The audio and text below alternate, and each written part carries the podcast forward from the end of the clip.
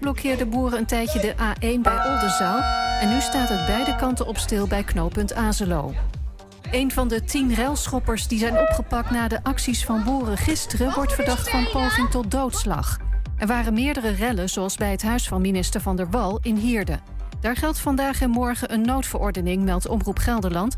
wat betekent dat de politie preventief mag controleren. Justitie eist 12 jaar cel en tbs tegen een man... voor een schietpartij vorige zomer in Dordrecht. Hij is van beroep persfotograaf en schopte onder invloed tegen auto's. Toen agenten hem wilden overmeesteren, pakte hij het pistool van een van hen en schoot in het rond. Twee agenten en een omstander werden geraakt. In Zaandam heerst een virus waar alleen karpers aan doodgaan, andere vissen niet. Er zijn naar schatting al meer dan duizend karpers doodgegaan en dat worden er waarschijnlijk meer. Er kunnen niet echt maatregelen worden genomen. Wel wordt vissers opgeroepen om een paar weken ergens anders heen te gaan. En dan nu het weer van Weer Online. Steeds meer bewolking en het koelt vannacht af tot minimaal 14 graden. Morgen is het met 20 graden aan de kust een stuk koeler dan in het binnenland, waar het 30 graden kan worden. Ook is er kans op onweersbuien met harde windstoten. En tot zover het ANP-nieuws. Mama, ik moet plassen. We zijn bijna bij Willemse Toiletten. Daar kun je veilig naar een schoon toilet en je handen wassen. Willemsen Toiletten. Het openbaar toilet in de binnenstad van Enschede. Voor een hygiënisch en plezierig bezoek vindt u in de klanderij. Lever na uw toiletbezoek de waardebon in bij een van de deelnemende winkeliers. Scan de QR-code of kijk op willemsentoiletten.nl.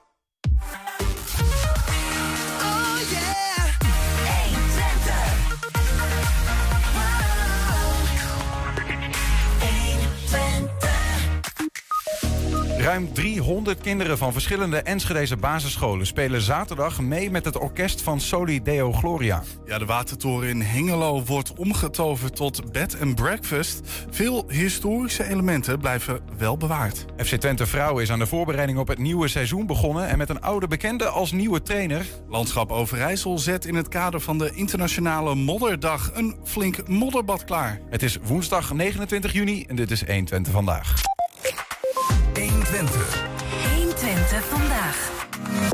Ja, er lijkt geen rem op te zitten. De energieprijs blijft maar stijgen. En het leven is en wordt alleen maar duurder. We hebben de afgelopen tijd veel bericht over de energiearmoede in Enschede. Maar ook in Hengelo speelt dat probleem natuurlijk. Vooral eh, huishoudens met een laag inkomen worden geraakt. Hard geraakt. Ze kunnen sinds kort aanspraak maken op een eenmalige toeslag van 800 eh, euro. Maar de vraag is, is dat wel genoeg? Bij ons aangeschoven is Noesja Horsthuis van eh, cliëntenraad Minima en WMO Hengelo. Welkom. Hallo, goedemiddag. Um, even misschien goed om dat uh, wat te duiden, die cliëntenraten. Wat is dat voor uh, groep mensen? Wat, wat doen jullie precies? Uh, wij helpen iedereen eigenlijk die in het minimum zit. Dus je hoeft niet per se uitkering te hebben, maar iedereen met minimuminkomen. en ook mensen in de WMO met alle vragen, problemen, papieren invullen. En zijn jullie zelf als cliëntenraad ook, hebben jullie zelf ook gebruik gemaakt, maken jullie gebruik van de WMO of... Ja. Wat dan ook? Ja, wij zitten of in de bijstand of in de WMO. En anders kun je ook niet bij de cliëntenraad komen, want je moet er wel een beetje ervaring mee hebben. Mm En dan mag je ook je aanmelden bij de cliëntenraad. Ja, dus je kunt vanuit je eigen ervaring kun je mensen op sleeptouw nemen. En, en waar, waar, help je ze dan mee bijvoorbeeld? Uh, problemen met de klantmanagers. Uh, gewoon met papieren invullen. Dus gewoon Klantmanagers zijn eh, mensen bij de gemeente? Ja, Okay. Die uh, verstrekken bijstandsuitkering. En als daar problemen met zijn communicatieproblemen en dat soort dingen, dan kunnen ze bij ons ook komen. Ja. En dan helpen we ze mee door een klacht op te zetten of wat dan ook. Kun je eigenlijk die mensen uh, uh, vinden die, zeg maar, uh, die jullie zouden willen vertegenwoordigen? Want ik, ik, ik, weet dat gisteren bijvoorbeeld is er in Enschede een avond belegd om te praten over onder meer bijvoorbeeld energiearmoede in een, in, een, in een wijk waar dat ook veel, veel zou moeten spelen. Maar daarvan zeiden ze bij de, de wijkraad zei ja, we hebben mensen echt benaderd en een avond, maar mensen vinden het toch lastig om te komen, om een drempel over te gaan dat is denk ik ook het grootste probleem. Mensen schamen zich gewoon voor van dat ze in het minimum zitten. Ze willen het niet laten zien aan de buitenwereld. Dus zo'n avond organiseren is heel leuk, denk ik. Maar ik denk dat heel veel mensen denken zo van ja, nee, maar als mensen mij daar zien of andere mensen, als ze denken van ja, dat moet ik gewoon niet doen. Ja. Maar hoe zit dat bij jullie? Eh, hoe, hoeveel mensen, hoe groot is het deel van het totaal van wat jullie, die jullie kunnen helpen? Ah, nog veel te weinig, denk ik. Ja. Maar ja, wij zijn, zijn eigenlijk ook nog niet zo bekend. Dus dat is ook wel een beetje jammer. Mm -hmm. wij worden wel steeds bekender doordat wij ook mensen nu uh, ondertussen met invalide parkeerplaatsen hebben geholpen. Dus vanuit de WMO, wat niet helemaal lekker liep. En uh, daardoor in de krant hebben gestaan. En zodoende krijgen we wel steeds meer naamsbekendheid en komen wel steeds meer mensen. Ja. Even, eh, misschien is het goed om te zeggen, WMO, voor mensen die het niet kennen, Wet Maatschappelijke Ondersteuning, dat gaat vooral over eh, thuishulp. Thuishulp, eh parkeerplaatsen, kaarten, eigenlijk alles wat je... Elektrische rolstoel bijvoorbeeld, Ja, dat soort alles. dingen. En, da- Ja. de- en dat is allemaal eh, geld wat je eventueel van de gemeente zou kunnen krijgen om dat soort middelen eh, te kunnen kopen. Ja. Maar het is soms een ingewikkeld speelveld. Ja, maar dat is de hele bureaucratie, denk ik. Ja, ja, nou ja, de- en, en in dat ingewikkelde speelveld en in die bureaucratie ehm, eh, zijn soms wel hulpmiddelen. bijvoorbeeld om nu in deze bizarre tijd qua energieprijzen, zeg maar, nou ja, enigszins het hoofd boven water te houden. Maar hoe gaat het daar eigenlijk mee? Als je kijkt naar jullie achterban en het hoofd boven water houden met die enorme gasprijzen en naast de boodschappenprijzen bijvoorbeeld al. Ja, ik denk dat die groep steeds groter wordt. Dus niet alleen maar de minima, zeg maar, dus de mensen in de bijstand of met een minimumloon. Eh, ik denk juist de mensen ook in een modaal inkomen. En zometeen lopen op de een of andere manier lopen nu alle energiecontracten af. Tenminste, die signalen krijgen wij heel erg binnen. En, eh, dus ik denk dat die groep zometeen alleen nog maar groter wordt. Maar dat zijn mensen die hebben een jaarcontract afgesloten en moeten nu Ja. een nieuwe gaan afsluiten. Ja. Ja. en vorig jaar even, want ik weet, mijn heb ik in september afgesloten. Dat was nog net toen het begon te stijgen. Ja. Dus mensen die vorig jaar in eh, juli, eind juli of begin juli eh, iets hebben afgesloten en nieuw opnieuw moeten. Ja, die gaan een enorme klap krijgen dan natuurlijk. Ja, en daar is die 800 euro natuurlijk niet toereikend voor. Het is maar een druppel op een hele grote gloeiende plaat voor die mensen. Dus net wat ik zeg, het is niet alleen maar de minimuminkomens. Ik denk gewoon eigenlijk alle inkomens. Mhm. Ja, behalve de hele hoge inkomens. Ja, want die 800 euro die, die heb je, kun je via de gemeente, als je een bepaald eh, inkomensniveau hebt. In Hengelo weet ik niet precies hoe het is. Ook 120% van het minimum. Eh, 130 procent. 130 procent. Ja. Dan kun je daar aanspraken op doen. Ja. Ehm, maar heb jij enigszins zicht op... Kijk, als je zegt 800 euro is niet genoeg. ehm, wat, wat zijn dan de kosten van sommige mensen... als het gaat om energie in een jaar? Eh, ja, ik denk dat dat is heel lastig te zeggen. Het is maar net in wat voor soort huis je natuurlijk woont. Ja, Ehm, hoeveel gas je zelf natuurlijk verbruikt.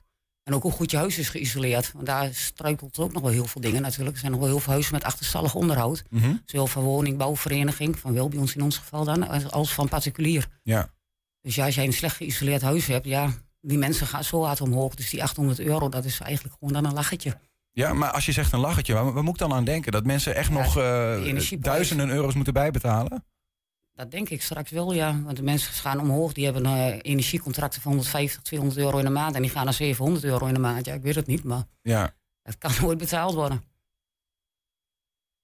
Ja, dan, dan ga je ook zelfs als je niet in een, geen minima of een minimuminkomen hebt, dan ga je daar eh, problemen mee krijgen. Ja. Ehm, eh, met als gevolg, wat, wat, wat, wat zijn de, de daadwerkelijke situaties? Want je kunt zeggen van oké, ik, ik ga ehm, bij wijze van eh, eh, korte zeg maar, mijn rekening niet meer betalen als het gaat om, eh, weet ik veel, de, de, de, de voetbal van mijn kinderen of wat dan ook. Die laat ik dan maar zitten. Of je kunt zeggen, ik draai de, de verwarming zachter. Wat gebeurt er in die gezinnen eh, die jij vertegenwoordigt bij de cliëntenraad? Ik denk voornamelijk dat inderdaad gewoon eh bezuinig wordt op de boodschappen en op het gas. En inderdaad, kijk, wij kunnen een aanspraak maken op het jeugdsportfonds. Dus in principe de contributies van de kinderen kunnen eigenlijk wel gewoon door blijven lopen. Dus want dat wordt, ja, je kunt nou tot 300 euro krijg je daarvoor. Ja. Dus ja, over het algemeen, zeg maar, als je kind op voetbal zit, volgens mij moet je dat wel kunnen redden met 300 euro per jaar. Ja, de- ik, ik zit wel even.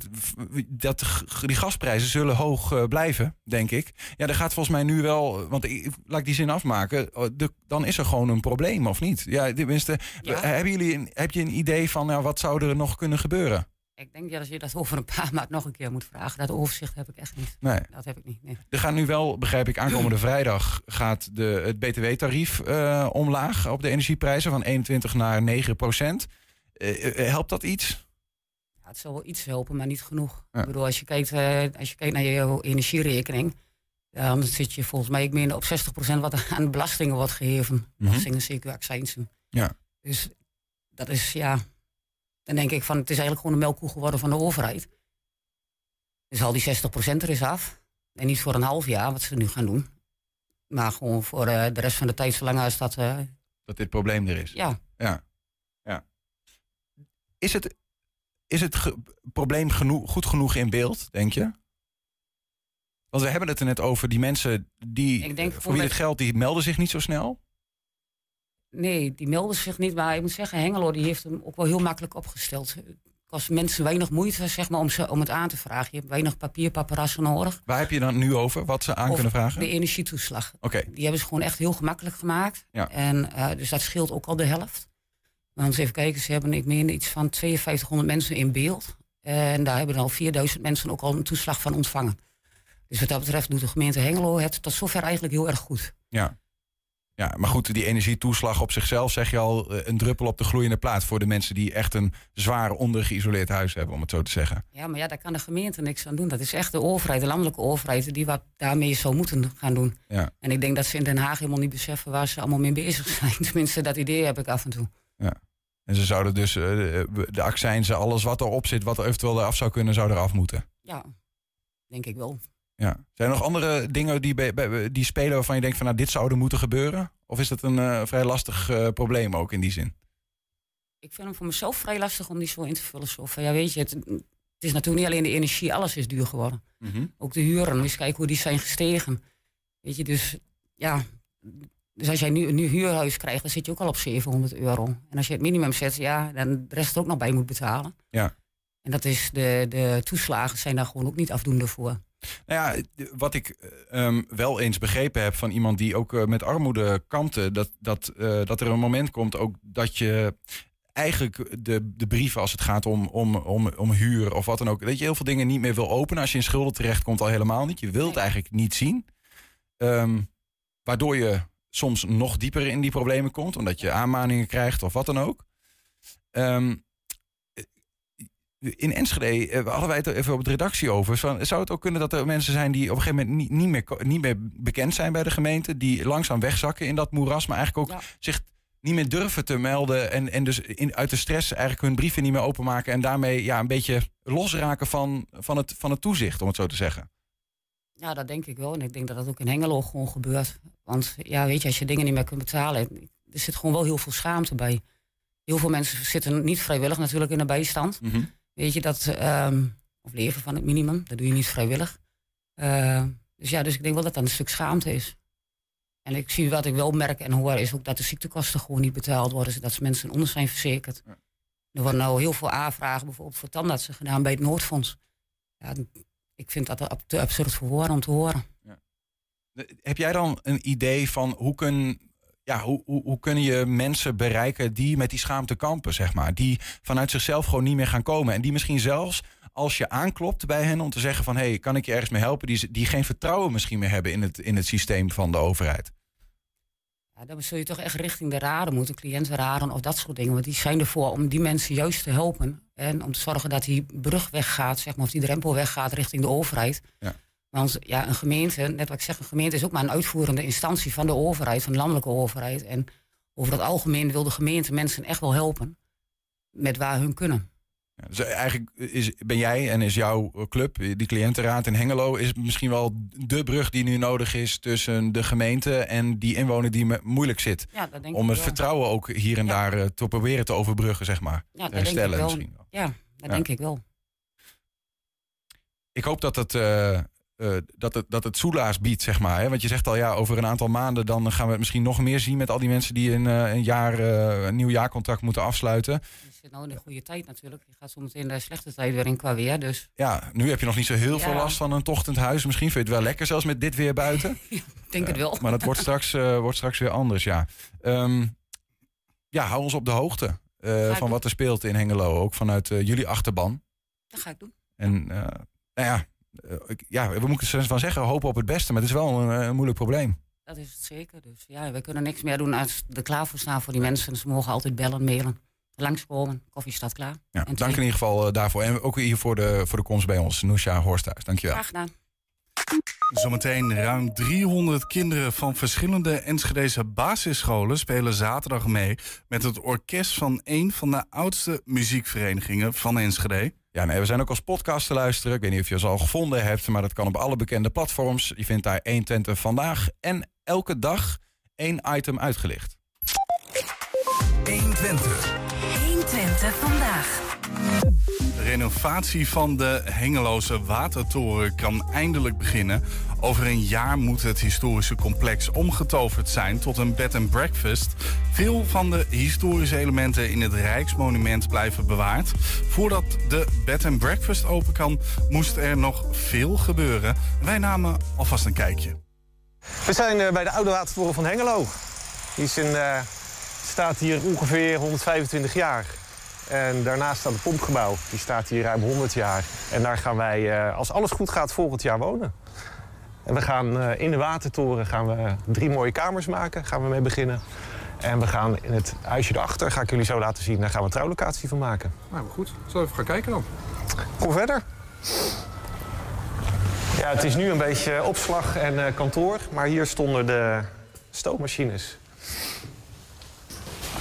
Zie dit is uit eh 38, hoe het in elkaar zat. En dat is uit 72. En dat is echt super dat we dit hebben, want we hebben bijvoorbeeld hier een, eh, een probleem. Hier, hier zit een eh, lekkage. Eh, en we kunnen bijvoorbeeld zien dat in 38 hier een leiding zat. En die zat er in 72 niet meer.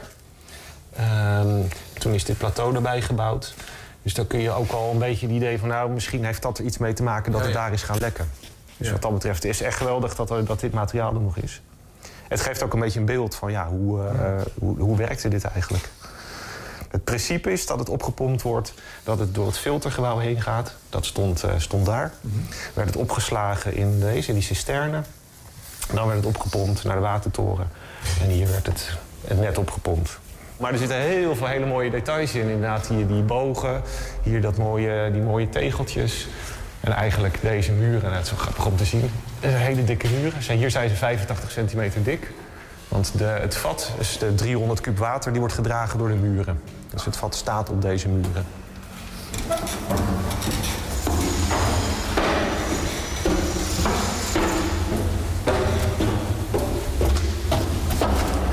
Ah, je kunt het nu beter zien dan eh, van de week. Ik heb, gisteren heb ik dit, eh, dit huisje eraf gezaagd. Dat was hier gemaakt. eh, ja, ik heb me laten vertellen om, eh, om het tochten te stoppen. En ook om de toegang hier eh, toe af te sluiten. Maar ja, we willen hier van de week aan de slag met groot materieel. Dus dan hebben we meer ruimte nodig om, om naar boven te kunnen lopen. Hier komen drie studio's. Hier de eerste studio. Dus daar komen nieuwe ramen voor. Dan de tweede studio, waar die ramen zitten. En dan de derde studio, waar de bovenste ramen zitten. En wat we verder met de kop gaan doen, ja, dat, dat kan wat langer duren. Dat weten we nu nog niet. Ja, het principe van een watertoren is... eh, ik dacht trouwens altijd dat het opslag van water is. Maar het gaat om het onder druk houden van het water. Dus daar, daarom is hij ook zo hoog. Dus hij duwt het water het, eh, het net in, een leidingnet in. En wordt eigenlijk continu aan, eh, aangevuld. Dus het is niet zo dat je hem vult en dat je dan weer een week klaar bent. Dat wordt continu wordt dat bijgevuld. En verder naar boven. Eh, ja, we staan hier nu eigenlijk recht onder het vat. Je hebt misschien aan de buitenkant gezien dat die toren die loopt een beetje taps toe. En dan kraagt die uit. Eh, bij die uitkraging, daar zitten we nu. Dat is eigenlijk dit.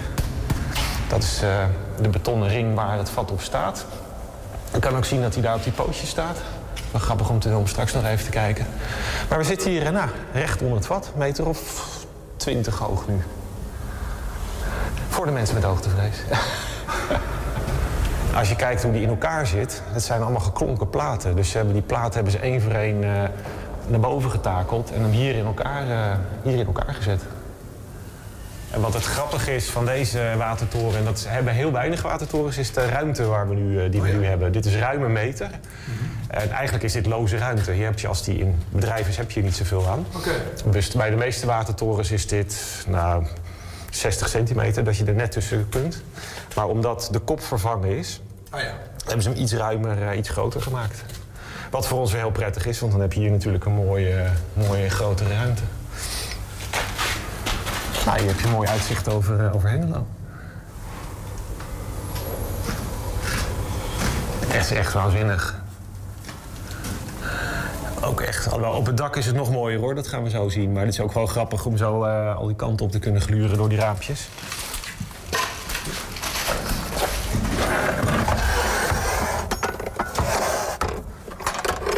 Ja, hier doen we het voor. Hier koop je watertoren voor. Voor dit uitzicht. Ja, dit, dit blijft geweldig. Ik heb mensen beneden en die vragen dan wat beschroomd van... joh, ja, kunnen we even kijken? Tuurlijk, dit, ik, blijf, ik blijf dit leuk vinden. Dus eh, iedereen, kom, kom langs. Ik laat het graag zien. Ja, dit is echt, dit is echt fantastisch. We gaan na de bouwvak gaan we beginnen met, eh, met het ontwikkelen van de watertoren. Daar zijn we waarschijnlijk een maand of negen mee bezig. Eh, dus dan zouden we in april, mei zouden we open kunnen. Eh, we gaan in, nou aansluitend of misschien iets eerder, dus in maart, eh, maart, april met het woonhuis beginnen. En dat zal naar verwachting een maand of zes zijn. Dus dan zijn we eind volgend jaar, dan wonen en werken we hier. Maar dit is een project voor, eh, van jaren, misschien wel decennia. Want het, dit, dit, is, dit is nooit af. Maar we wonen hier volgend jaar, wonen we hier. Eind volgend jaar. Zometeen, FC Twente Vrouwen is aan, het, aan de voorbereiding op het nieuwe seizoen begonnen... met een oude bekende als trainer. 120. 120 vandaag. Ja, een gigantisch muziekfeest moet het worden. Aankomende zaterdag in eh, de Patmoshal. Zo'n 300 kinderen uit eh, de hele stad, uit heel Enschede... die spelen dan of zingen dan samen met eh Soli Deo Gloria... met het opleidingsorkest en met het eh, grote orkest. Het zogenoemde Mega Kids Festijn moet eh, Soli Deo Gloria als muziekvereniging op de kaart zetten. En de club hoopt natuurlijk dat hun opleidingsorkest na zaterdag veel groter wordt. Ja, je hoort het, we nemen alvast een klein eh, voorproefje op dat feestje van eh, aankomende zaterdag. Bij ons onder andere drie leden van het eh, opleidingsorkest van Solideo Gloria. Dat zijn Cheyenne in het midden, en dan Chris links en Benjamin rechts. Hoi, leuk dat jullie er zijn. Hoi. Hey, vertel even, misschien Chris, om bij jou te beginnen, ga even het rondje af. Vertel even, hoe oud ben je en wat bespeel jij? Ehm, ik ben tien en ik speel trompet. En ehm, ik vond trompet zo leuk omdat ik het al vanaf ehm mijn Maar je gaat al tweede- meteen het hele rieden, dat hoeft niet. Alleen nog even wat je speelt. Want anders, we moeten nog een heel gesprek hebben, hè? En anders geef je alles al weg. Dus kom ik zo nog bij jullie terug en dan ga ik jou vragen waarom je trompet zo leuk vindt. Is dat goed? Ja. Uh, Cheyenne, Ja, ik ben 12 en ik speel dwarsfluit. kijk. En Benjamin? Ik ben zes en ik speel trombone. Een trombone? Ja. Man, wat een mooi ding is dat, man. Helemaal blauw. Ik heb nog nooit een blauwe trombone gezien, wist je dat? Fantastisch. Kom zo bij jullie terug. Ja? Aan tafel zitten ook eh, Leon Plaggemars, voorzitter van Solideo Gloria... en eh, Nicole Termorsje, eh, dirigent bij het opleidingsorkest van Solideo Gloria... en ook muzikaal leider. Je hebt van aankomende zaterdag... jij hebt met 300 kinderen samen een stuk in elkaar gezet. Ja. Eh, waar haal je in de eerste instantie, laat ik dat vragen... 300 Enschedese kinderen vandaan om samen te zingen? Nou ja, ik ben muziekdocent in Enschede. Eh, dus we hebben een aantal scholen waar ik eh, als vakdocent aan het werk ben benaderd. En vijf verschillende scholen hebben dit aangeboden vanuit STG, vanuit de muziekvereniging. Zodat ik muziekles kon geven op de scholen. en daarmee het eindresultaat laat zien op 2 juli. Ja, ja, dus het zijn in totaal vijf verschillende, zes verschillende zes scholen? verschillende scholen. En van één school doen twee klassen mee. Welke Ja. scholen zijn het die meedoen? Eh, het zijn basisschool De Bron, basisschool De Fontijn, Drakenstein...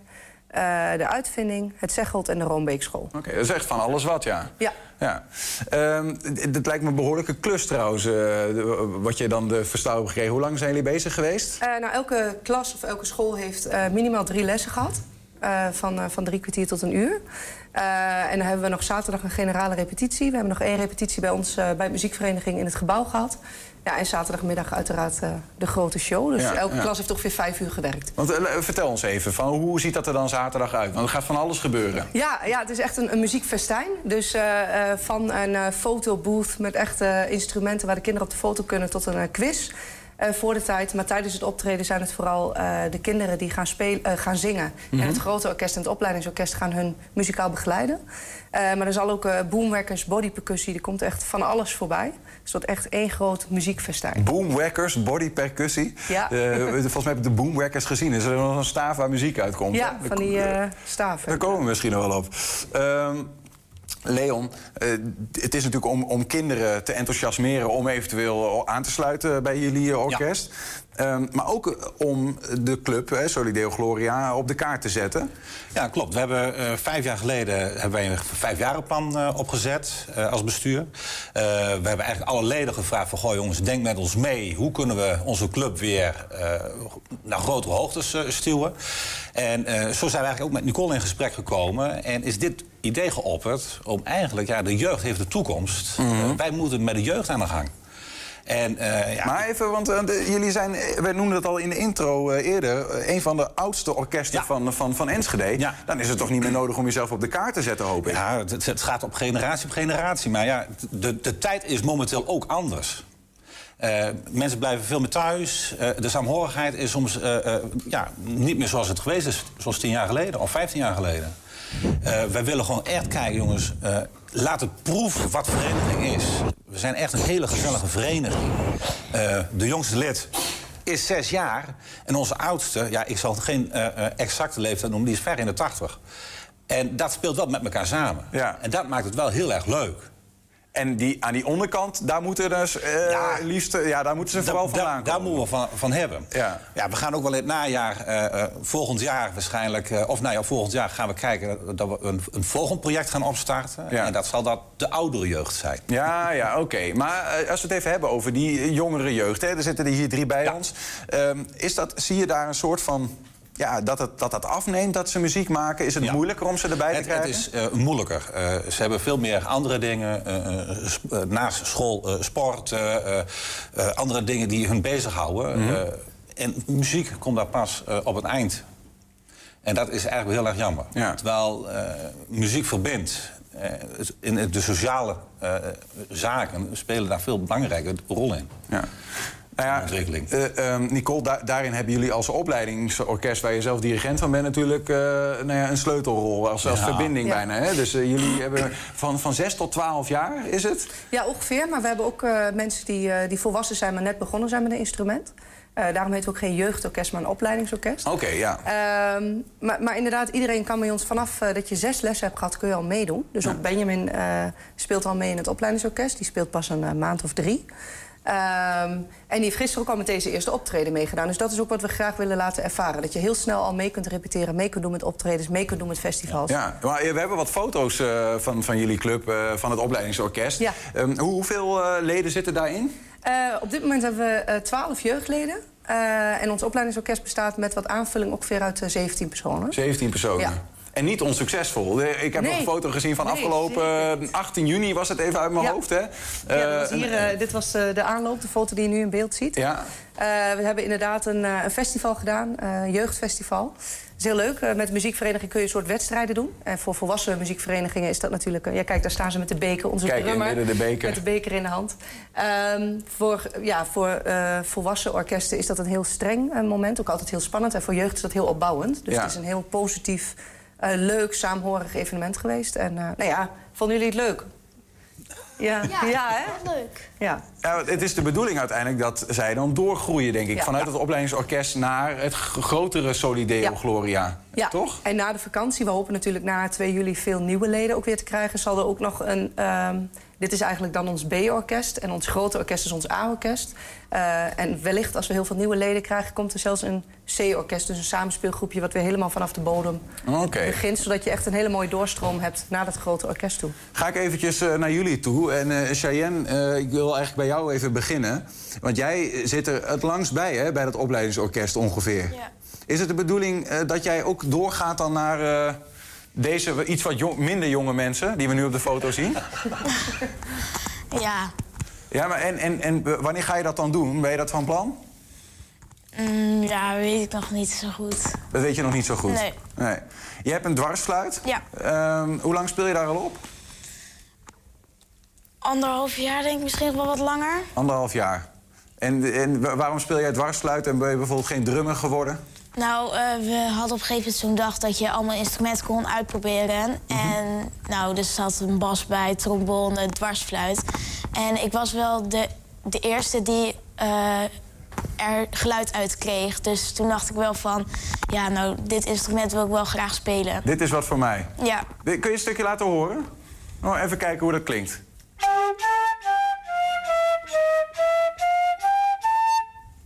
Mooi. Fantastisch, ja. En eh, aankomende zaterdag, dan eh, spelen jullie ook. En jij bent daar dan bij, denk ik, hè? Je hebt, begreep ik, zes nieuwe liedjes. Best wel moeilijke liedjes moeten leren voor de aankomende Ja. zaterdag. Ja. Behoorlijk aan de bak gemoeten. Ja, Ja, is dat wel gelukt? nee. dat, is wel, dat is wel heel eerlijk. Dus het wordt nog spannend voor aankomende zaterdag. Hey, ga ik even van jou als langzittende lid bij dat opleidingsorkest naar eh, de jonge Benjamin. En dat is letterlijk de Benjamin. hey, Benjamin, leuk dat je er bent met je blauwe trombone. Zeg, ik hoor net van deze mevrouw, en volgens mij is dat jouw moeder, of niet? Ja. Jo, dat klinkt heel enthousiast. Ho- hoor ik dat jij nog maar drie maanden die trombone speelt? Ja. En nu kun je er al op blazen? Ja. Nou, fantastisch, man. Hey, en is zo'n trombone, is dat... Het is, ding is even groot als jij zelf, of niet? Is dat niet zwaar? Hoe, hoe, hoe, is dat leuk om op te spelen? Ja. Ja? Kun je eens een stukje laten horen?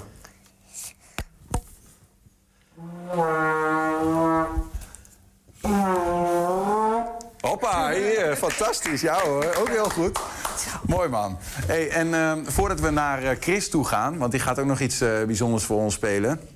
Eh, jij zei het net al even, Nicole. t- die 2,5 maand, drie maanden nu met de trombone bezig. Je kunt nu al, dan al terecht. Is dat uniek eigenlijk?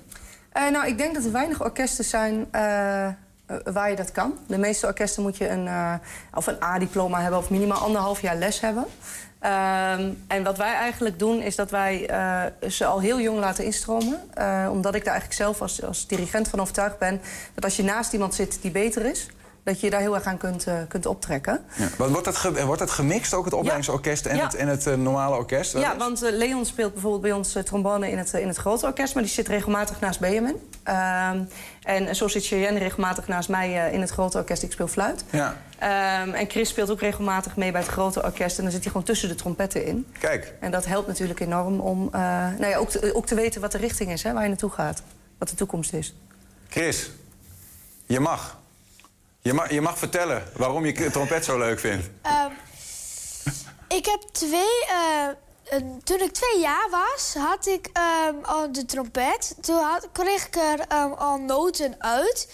Gewoon één noot. En toen even later zei iemand waar ik eh, vroeger eh, mee speelde... Wat was, toen ik begon met blokfluit... Ja? Maar ik ben overgegaan naar een van de moeilijkste. En dat is een van de trompet. En ehm, toen eh, eh, kreeg ik van mijn lerares kreeg ik aan te horen dat er een leuke trompetleraar was. Dus ik dacht, ik wil dat wel. eh. En toen ben je begonnen. Ja, en even later kreeg ik even, eh wou ik eventjes naar Solideo Gloria met mijn moeder. Die speelde al lang. En toen eh, wou, eh, was het nog niet zeker of ik lid werd, maar even later wou ik wel heel erg graag. En hoe lang speel je nu de trompet al, totaal? Ehm, een jaar. Een jaar. En je, aankomende zaterdag ga jij iets bijzonders doen. Namelijk, je gaat een stukje solo spelen. Ja. En nou heb ik jou gevraagd... zou je hier ook een stukje solo willen spelen? Ja. Nee, ik hoop dat dat niet te spannend is. Gaat lukken, hè? Ze beginnen samen en dan komt Chris de solo vanzelf. eh, Oké, nou we gaan, we gaan luisteren. Take it away.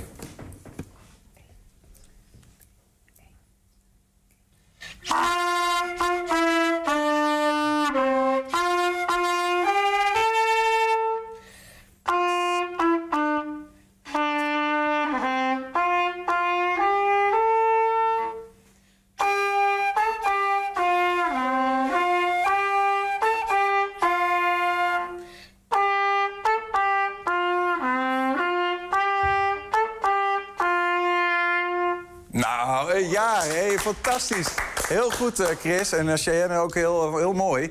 Ehm, ja, eh, dit wordt jullie nieuwe, eh, jullie nieuwe club. Dit, dit, dit wordt onze nieuwe club, ja. Ja. Ik ben mega trots op. Geloof ik. Ja, dit Ja. is echt eh, super. Ik zit eh, eh, af en toe naast Benjamin met jeugdorkest. Dat is gewoon heel leuk. Dat is echt, als je daarnaast zit, krijg je gewoon energie van. Dat, dat is echt gewoon dat je de ouderen met de wat jongeren... dat maakt het gewoon muziek maken gewoon heel erg leuk. Het verbindt. Ik geloof dat. Ik heb nog één dingetje wat ik jullie wil vragen. En ga eens kijken of dat lukt. Want eh, Nicole die had het net over boomwackers. Die hebben jullie ook bij je, of niet? Eh, Als je, misschien kun je je normale instrumenten neerzetten... want die hebben jullie bij je stoel liggen. Want voor, ja, ik denk niet dat iedereen dat ooit gezien heeft. Maar we hebben een stukje muziek... en daar kunnen jullie wat boomwacker bij eh, spelen.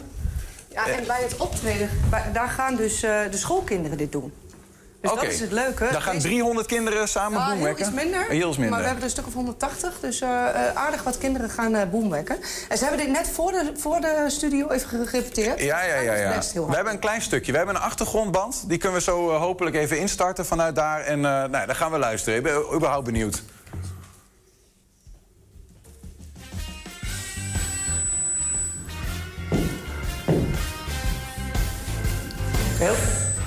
En ja, ik, ik denk dat dat eh, misschien wat moeilijkheden geeft met het afspelen van de achtergrondband. kunnen we niet doen, merk ik, hoor ik. Kunnen we ze even gewoon zo laten horen? Eh, Laat eens, want ik ben wel gewoon benieuwd wat dat is. Even zien, laten we ze gewoon even horen. Opvolgende. Chris, d- drie keer hè? 1, 2, 3, 4. Cheyenne. Benjamin. Heel goed, nog één keertje. 1, 2, 3. Chris. Cheyenne. En Benjamin. Kijk, nou snap ik hem. Verschillende geluiden uit de buizen en samen zijn het de akkoorden Samen en worden muziek. het akkoorden en de muziek. Mooi. Nou, de achtergrondmuziek. Als je die dus erbij wil horen, misschien is dat een mooi eh, bruggetje, hè? dan eh, wil je, moet je dus gewoon aankomende zaterdag komen kijken. Eh, Van drie tot vijf in de Padmoshal in Enschede. Ja. Hoeveel mensen passen daarin? Want je hoopt heel veel nieuwe leden te krijgen. Ja, de verwachting is dat we tussen de 7 en 900 eh, mensen eh, verwachten we daar. En er zijn nog 450 kaartjes verkocht, dus we hebben er nog eh, een- een paar. Ja, ja, precies ja. Het gaat snel. Zorg dat je erbij bent. Ehm, en dan kun je aan de deur of moet je van tevoren? kan aan de deur. Je kunt ook eh, via onze social media kun je informatie vinden hoe je ze kunt bestellen. Maar je kan ook gewoon aan de deur eh, kopen. Soli Deo Gloria, zoek het even op. Aankomende zaterdag, het Mega Kids Festijn. Zeg, eh, Chris, Cheyenne en Benjamin. Fantastisch gedaan. Leuk dat jullie er waren, dankjewel. En ook eh, Nicole en eh, Leon, dankjewel voor eh, jullie komst. Veel plezier aankomende zaterdag. Dankjewel. Dankjewel. Ja, in de strijd tegen eenzaamheid hebben het collectief Samen 1 Twente en het theaterspektakel Hanna van Hendrik elkaar gevonden. Zometeen meer daarover. 120. 120 vandaag. Ook de FC Twente Vrouwen is aan de voorbereiding op het nieuwe seizoen begonnen. Maandag stond het elftal voor het eerst op het veld onder leiding van de nieuwe hoofdtrainer Joran Pot. Dat is geen onbekende bij de club. Hij speelde van 2001 tot 2008 in de jeugdopleiding van FC Twente en keert dus terug op het oude nest. Ik ben hartstikke blij om hier te mogen zijn. En eh, we gaan er een mooi seizoen van maken. Wat ga je meenemen van je tijd bij PEC Zwolle hier naar FC Twente Vrouwen? Eh, dat nog steeds een voetbal eh, moet draaien. maar uiteraard, eh, vrouwen vinden het ook heel prettig om, om gewoon, gewoon gesprekken te voeren. En, en een keer te vragen hoe het gaat. Dus dat ga ik zeker meenemen. Doe je daarmee dat anders dan bij mannenvoetbal? Nou ja, wat ik gewend ben in de, bij de amateurs, was dat echt wel wat minder. Dus ja, als ik, zover, voor zover ik erover kan oordelen, ja.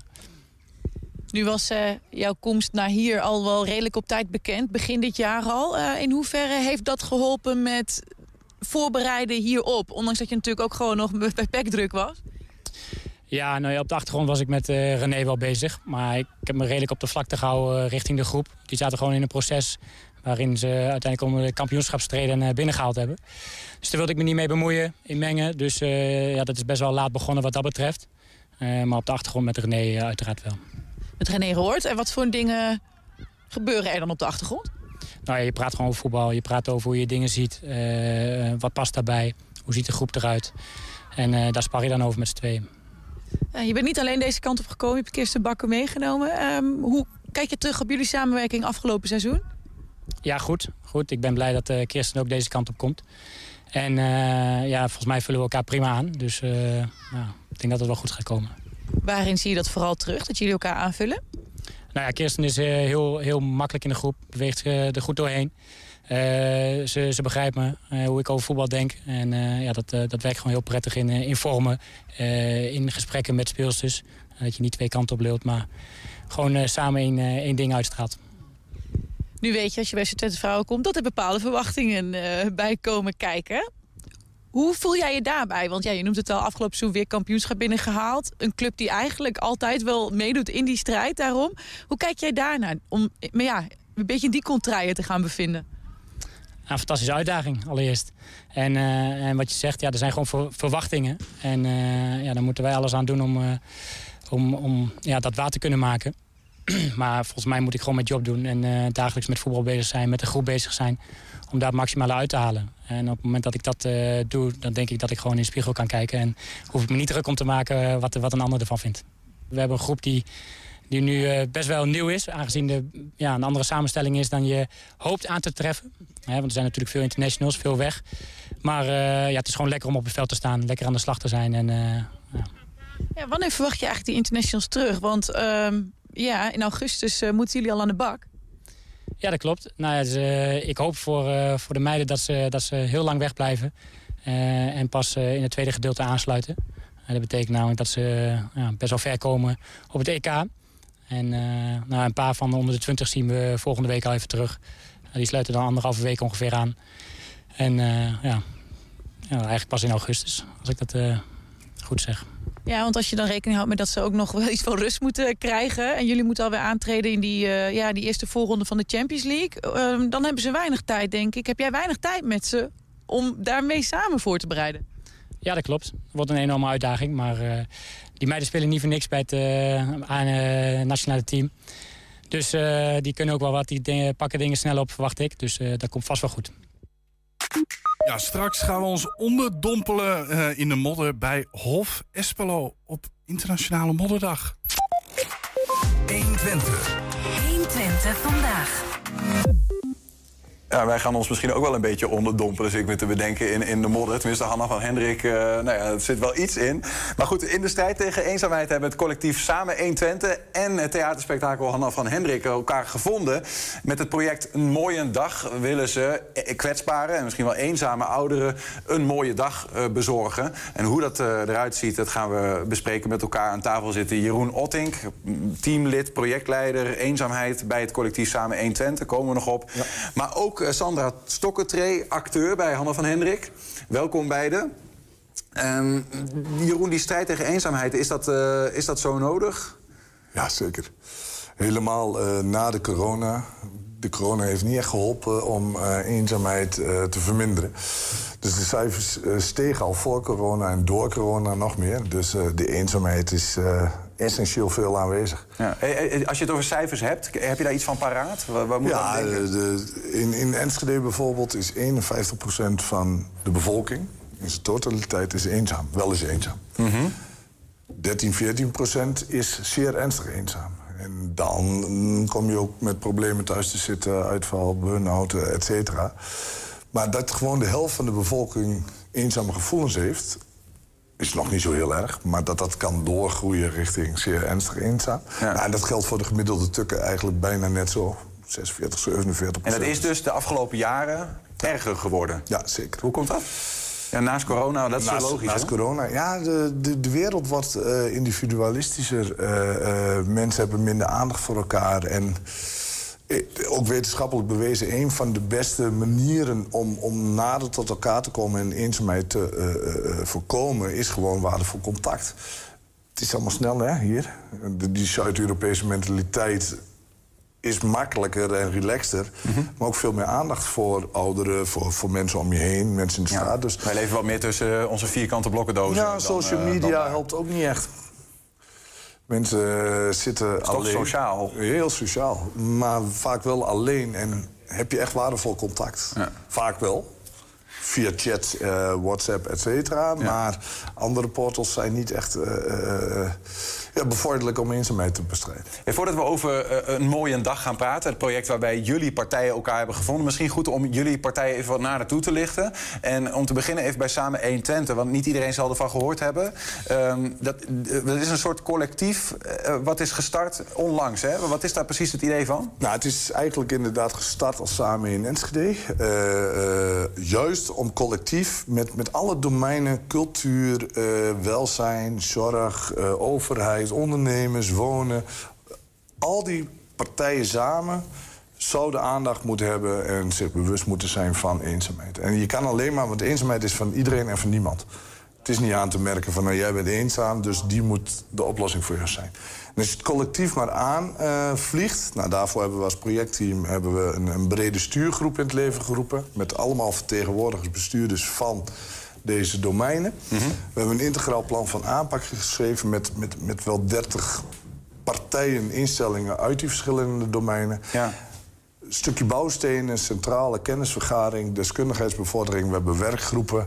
En, en daarmee zorgen we dat binnen het netwerk, binnen de wijken, buurten in Enschede, dat het wordt uitgerold. En dat in eerste instantie dat begint met een stukje bewustwordingssessies. Ja. En, Dus dat betekent letterlijk, als ik bij een bedrijf werk, dat mij wordt verteld: hé, hey, joh, eh, ben je op de hoogte van de eenzaamheidscijfers, maar hoe signaleer je het? En ja, dat, gaat, dat gaat wel iets dieper. Wat is eenzaamheid? Welke soorten zijn er? Hoe herken je het? Hoe ga je ermee om? Gesprekstechnieken. Want ook in bedrijven komt gewoon veel eenzaamheid voor. Als mensen dus de laatste periodes veel thuis hebben moeten werken... ja, dat bevordert gewoon de eenzaamheid. Ik ben benieuwd hoe, hoe Hanna van Hendrik in dat plaatje past. Misschien eerst even Hanna van Hendrik op zichzelf toelichten, Sandra. Je bent acteur daar. Volgens mij beginnen jullie volgende week. Ja, wij, ehm, ehm, ja, over minder dan een week eh, spelen wij. We beginnen eh, voor ons eh, zelf op de 5 juli, op dinsdag. Ja, dat is de reprise trouwens, hè? want hij is ooit al een Ja, keer gespeeld, een aantal de- jaren terug. Maar het verhaal vertelt, eh, ehm, vertelt iets wat nu natuurlijk hartstikke van kracht is. Hè? Wat, wat is het verhaal van Hanna van Hendrik? Het, het gaat over ehm, nou, in, in de kern de boerenopstand in uh, Tubbergen. Eh, maar daar alles omheen wat het boerenleven brengt. En de vraagstukken die eh, het boerenleven heeft. En ja, dat is, ja, ik ben hier bijna te laat gekomen omdat er een boerenopstand op de A1 was. Dus het leeft nu, het is er nu. Het heeft alle facetten van het leven. Dus van geboorte tot aan dementie. De invloed van de Tweede Wereldoorlog. eh, verschil tussen jong en oud. Ehm, alleen achterblijven, hè, dat, daar zit ook... eh, hè, een vrouw blijft alleen achter, probeert alleen te doen. Ook, eh, nou ja, toch enige kenmerken van eenzaamheid. Maar Mhm. met name, ja... Een periode van eh, 1948 tot 71, eh, eh, daarin... eh, het gaat over de ruilverkaveling, eh, geloof ik, Uiteindelijk, hè? ja, dat is de kern, Eh, ja. Een eh, ingewikkeld woord, zoek het maar eens op. eh, en dan, eh, maar daar, daar ontstond eh, wat ophef over destijds. Ja. Maar in ieder geval is, het, is dat een, denk ik een middel om het over al die thema's te hebben die je net eh, Ja. aandraagt. Ja, en, het, en eh, ophef is een understatement. Dat is een understatement, oké. ja. Ja. Is het vergelijkbaar echt met wat er nu gebeurt of was het erger? Ehm, het- het- de emoties zijn hetzelfde. Ehm, alleen ehm, de ruilverkaveling was al iets heel concreets. Er werd echt gewoon een plan gepresenteerd. Zo gaan we het doen. En daar hebben jullie mee te doen. Er werden regels gehanteerd... waardoor mensen buitenspel werden gezet. Er was geen enkele vorm van inspraak. Dus het betekent even kort gezegd dat sommige stukken boerenland van de ene boer gewoon aan de andere werden gegeven om het wat meer aan elkaar te laten Ja, sluiten. zodat je schaalvergroting kreeg, zodat je Ja. nou ja, goedkoper Dus in één keer was je land kwijt, dat was het idee. Ja, dat was, eh, dat was het eh, Ja. ja. idee erachter, ja. Ja, niet altijd even veel mensen waren daar eh, blij mee. Nee. Een statement. Ehm, ook benieuwd welke rol jij dan in dat stuk speelt. Ja. Maar, maar ook eerst toch even kijken van waarom is nou samen 120 en Hanna van Hendrik een match, Jeroen? Wat gaan jullie eigenlijk doen? Wat houdt dat in, een mooie Nou, het, dag? Het idee van een mooie dag is dat wij dus die groep eenzame eh medetukkers...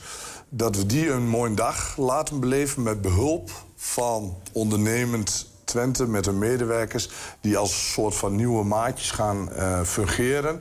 om deze mensen een mooie dag eh, te bezorgen. Maar het is een onderdeel van het traject. Hanna van Hendrik, de voorstellingen zijn echt de aftrap daarvan.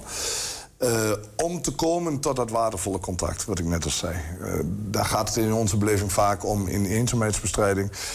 Komen tot een waardevol contact. Het zou het niet fantastisch zijn als deze groep, waarvan veel mensen ook nog nooit in een theater überhaupt geweest zijn, dit verhaal, wat nu zeer actueel is, kunnen en mogen volgen. Eh, De Hanna van Hendrik-productie, durf ik wel te zeggen, is van het niveau eh, Soldaat van Oranje qua kwaliteit en qua grootte en qua acteurs en alles wat er rondom speelt. Dus veel mensen hebben dat nog nooit meegemaakt. En als het dan begeleid kan worden door, door betrokken nabers...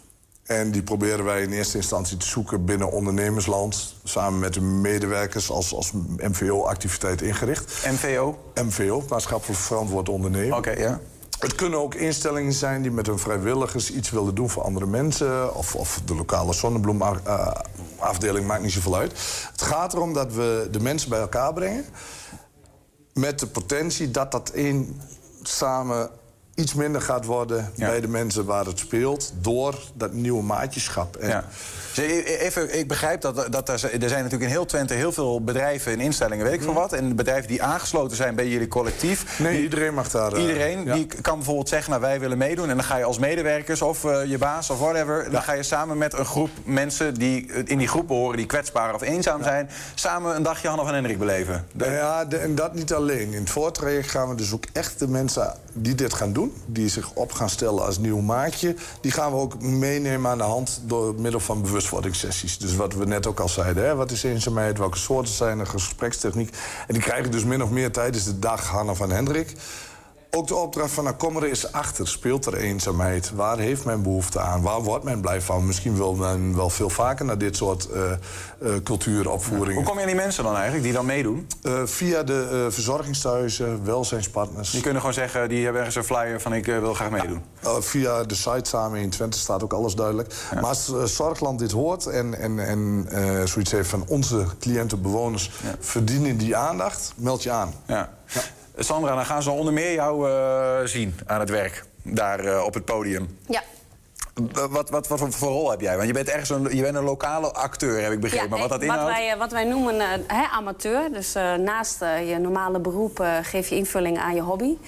Um, maar um, ja, wij zijn met een hele grote groep die gewoon eigenlijk elke dag aanwezig zijn. En wij zijn het ensemble. Wij zijn als het ware de groep die de hoofdkast ondersteunt en uh, daar invulling aan geeft waar, uh, waar behoefte aan is. En dat kan zijn in, in de opstand zelf of bij uh, de bruiloft die gespeeld wordt. Maar aan de andere kant, ik wil ook niet te veel verklappen, want Ja, ik denk, ja. kom het zien en dan kun je daarna bekijken. Snap ik. Je hebt vers- verschillende rollen als ensemble spelen. Je keert eh, her en der terug Ja. eh, met andere petten op. Als je het hebt over verschillende rollen, wat is, je- wat is jouw rol dan eigenlijk met betrekking tot dit, dit project eh, een, een mooie dag bijvoorbeeld? Nou ja, ik, ik ben gevraagd omdat ik onderdeel ben van de Hanna van Hendrik-familie. Van jij zit in het zorglandschap. Hè? Ik ben eh, eh, fysiotherapeut van beroep. ehm, en heb daarnaast eh, al eerder coördinerende functies gehad. Van goh, ehm, hoe kunnen wij het beste instellingen, ehm, welzijnsorganisaties, maar ook de buurthuizen gaan benaderen?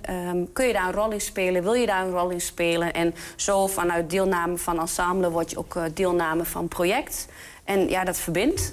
Ja, jij kent de zorgkant, maar speelt ook in de cast. En zo was de één op één eh, Ja. snel gemaakt. Ja. Ehm, zijn er al veel, eh, veel bedrijven en of eh, ouderen die, die mee willen doen? Of zijn het alleen ouderen eigenlijk? Ik heb het er wel over. Maar... Nou, helaas, het, het is projectgelden omringd, dus het moet gericht zijn op ouderen. Aan de andere kant proberen wij via links- en rechtswegen ook jongeren hieraan te verbinden... door samen met ouderen op, op stap te gaan. Maar dat is, dat is gratis, denk ik, toch? Of niet? Of moet je daar een kleine... Ja, nee. Een kleine, eh, in principe voor de ouderen die via Zorgland worden aangemeld... is er een kleine bijdrage van 20 euro per persoon. Nou, normaal een kaartje kost al het, eh, het tigvoudige. En eh, daarbij zit die mooie dag met eten en met eh, alles erop en eraan. De bedoeling is dat de ondernemer en zijn medewerkers... eigenlijk het totaalconcept betalen. Dus zowel Ja, ja. voor de medewerker als de eenzame ouder. Snap hem. En, ehm, dus qua aanmelding, sorry, ik heb de vraag niet eens beantwoord. Eh, eh, qua aanmelding, met name aan zorgkant, gaat het echt goed. We hebben heel veel partijen, Liberijn, Zorggroep Maarten, Manna, de Posten... die actief bezig zijn met, met de werving van, van hun eigen mensen. En, en die aanmeldingen, dat gaat in de honderden lopen. Dus we doen met name een oproep aan ondernemersland. En of eh, bijdragers te leveren, dat kan ook, hè. Dan kunnen vrijwilligers mee. En of samen met hun medewerkers op pad te gaan met deze. En, en die mooie dag moet dan het begin worden van meerdere mooie dagen... waarin je echt wel meer maatjes van elkaar wordt... om uiteindelijk dus die eenzaamheid te, te bestrijden. Ehm, Sandra, nog heel even die, die, die rol van de Hanna van Hendrik cast in dit project. Ga je dan ook samen met eh, die mensen nog weer apart zitten of iets dergelijks? Zit daar nog iets in? Als het wenselijk is en je mag vanuit je professie aansluiten... en ik denk met name ook met de sessies rondom eenzaamheid... ehm, om daar de verbinding te leggen, ook naar de voorstelling toe... ja, dan wordt het gewoon van je gevraagd. Het is niet van optie. Nee, je zegt ja en dan ga je in het hele circus mee. Ja, ja. Eh, m- mooi. Ik, ik hoop dat, het, eh, inderdaad, eh, dat er nog wat meer maatjes bij komen die mee willen doen... en eh, samen naar jullie voorstellingen willen gaan. Ehm, eh, Mag ik nog iets Ja, inbrengen? zeker. Absoluut. Ehm, met betrekking tot de gelden waar Jeroen het over had, ook buurtverenigingen. Hè? Of wat jij vertelde, kerken, gemeenschappelijke kerken die wat willen doen. Ehm ehm, Norbus is natuurlijk meer dan alleen maar bedrijven en eenzame ouderen. Iedereen die het- dit onderwerp aangrijpt en die denkt: ik kan een bijdrage leveren, alsjeblieft, doe een beroep. Wij kunnen ook hulp gebruiken. Mooi. Dat alles om de eenzaamheid in onze regio eh, terug te dringen. Zeker. Eh, naar nul zal het misschien nooit gaan, hè, maar we kunnen wel een eh, stukje minder maken. Stukje minder maken. Jeroen Oltink en Sandra Stokken-Tree, dank jullie wel. En Sandra, heel veel toi toi toi volgende week. Dankjewel. 120. 120 vandaag.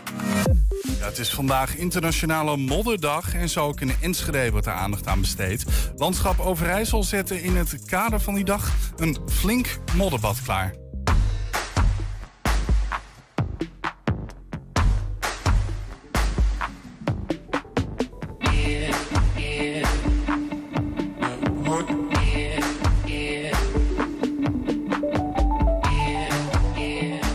Is vandaag internationale eh, modderdag. Zoals je hier zo kunt zien achter mij.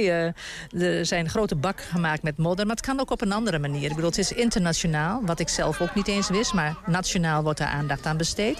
Dan kan het zelfs op basisscholen zijn dat ze bakken neerzetten. Waar kinderen gewoon alleen maar misschien met de handen in kunnen. Maar hier kunnen ze er helemaal in als ze dat willen. Hè. Sommigen vinden dat doodeng. Sommigen hebben daar totaal geen moeite mee. Dus die, eh, we zeggen ook, jullie moeten komen met oude kleren aan. Of in ieder geval een broekje en een hemdje. Dat moet dan. En eh, dan, dan ga je gang maar. Dus eh, sommigen liggen er eh, eh, eigenlijk helemaal in. En er zijn wel foto's eh, nog bewaard waar- waarvan je kunt zien... dat kinderen echt letterlijk helemaal van top tot teen onder de modder zitten. Ja, ja. Ja, we- jullie zijn hier vandaag om lekker in de modder te spelen. Hoe, eh, hoe zijn jullie hier zo terechtgekomen, joh? Ehm, via de huis aan huis, denk ik. Ja. Ja. Ik dacht, ideale activiteit. Ja. Ja. Ah, ja, nou ja, we zien het ook al. Het zit helemaal onder de modder ook.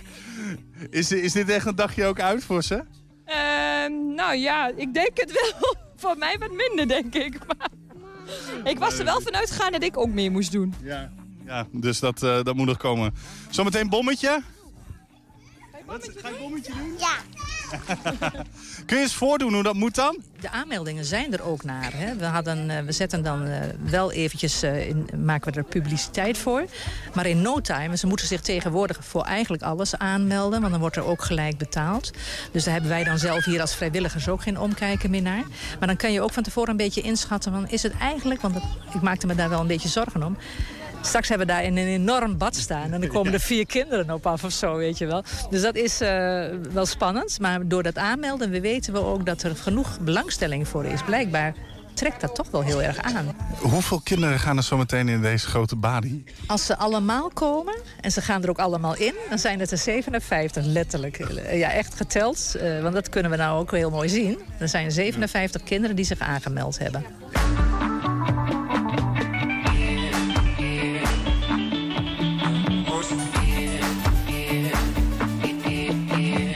Het einde van de dag, bommetje? Nou, ik niet. nee, nee, nee. Jij zelf dan? eh, Nee, niet, nee Niels. Nee, ik heb, er, eh, ik, ik heb er niet aan gedacht. Eh, ik ben wel bijna te graas genomen door, door die kiddo's. Zou jij het gedaan hebben? Ja, ik kan nu veilig zeggen dat ik dat wel gedaan zou hebben. Ja, Totdat ik de volgende keer zelf op pad wordt gestuurd om Ja, die ja, te maken. Mag jij maar tot weer morgen weer aan het werk gaan? Ja, straks met zwembroekje, dan ga ik lekker naar het Ritbeekje hoor. Nou, dat is ook een soort modderdag. Lekker van genieten. Dan sluit ik hem in ieder geval af. Want dit was 120 vandaag. Terugkijken, dat kan direct via 120.nl. En vanavond om 8 en 10 ook op televisie te zien. Zometeen kun je hier op de radio gaan genieten van Henk Ketting met zijn kettingreactie. Veel plezier en tot morgen.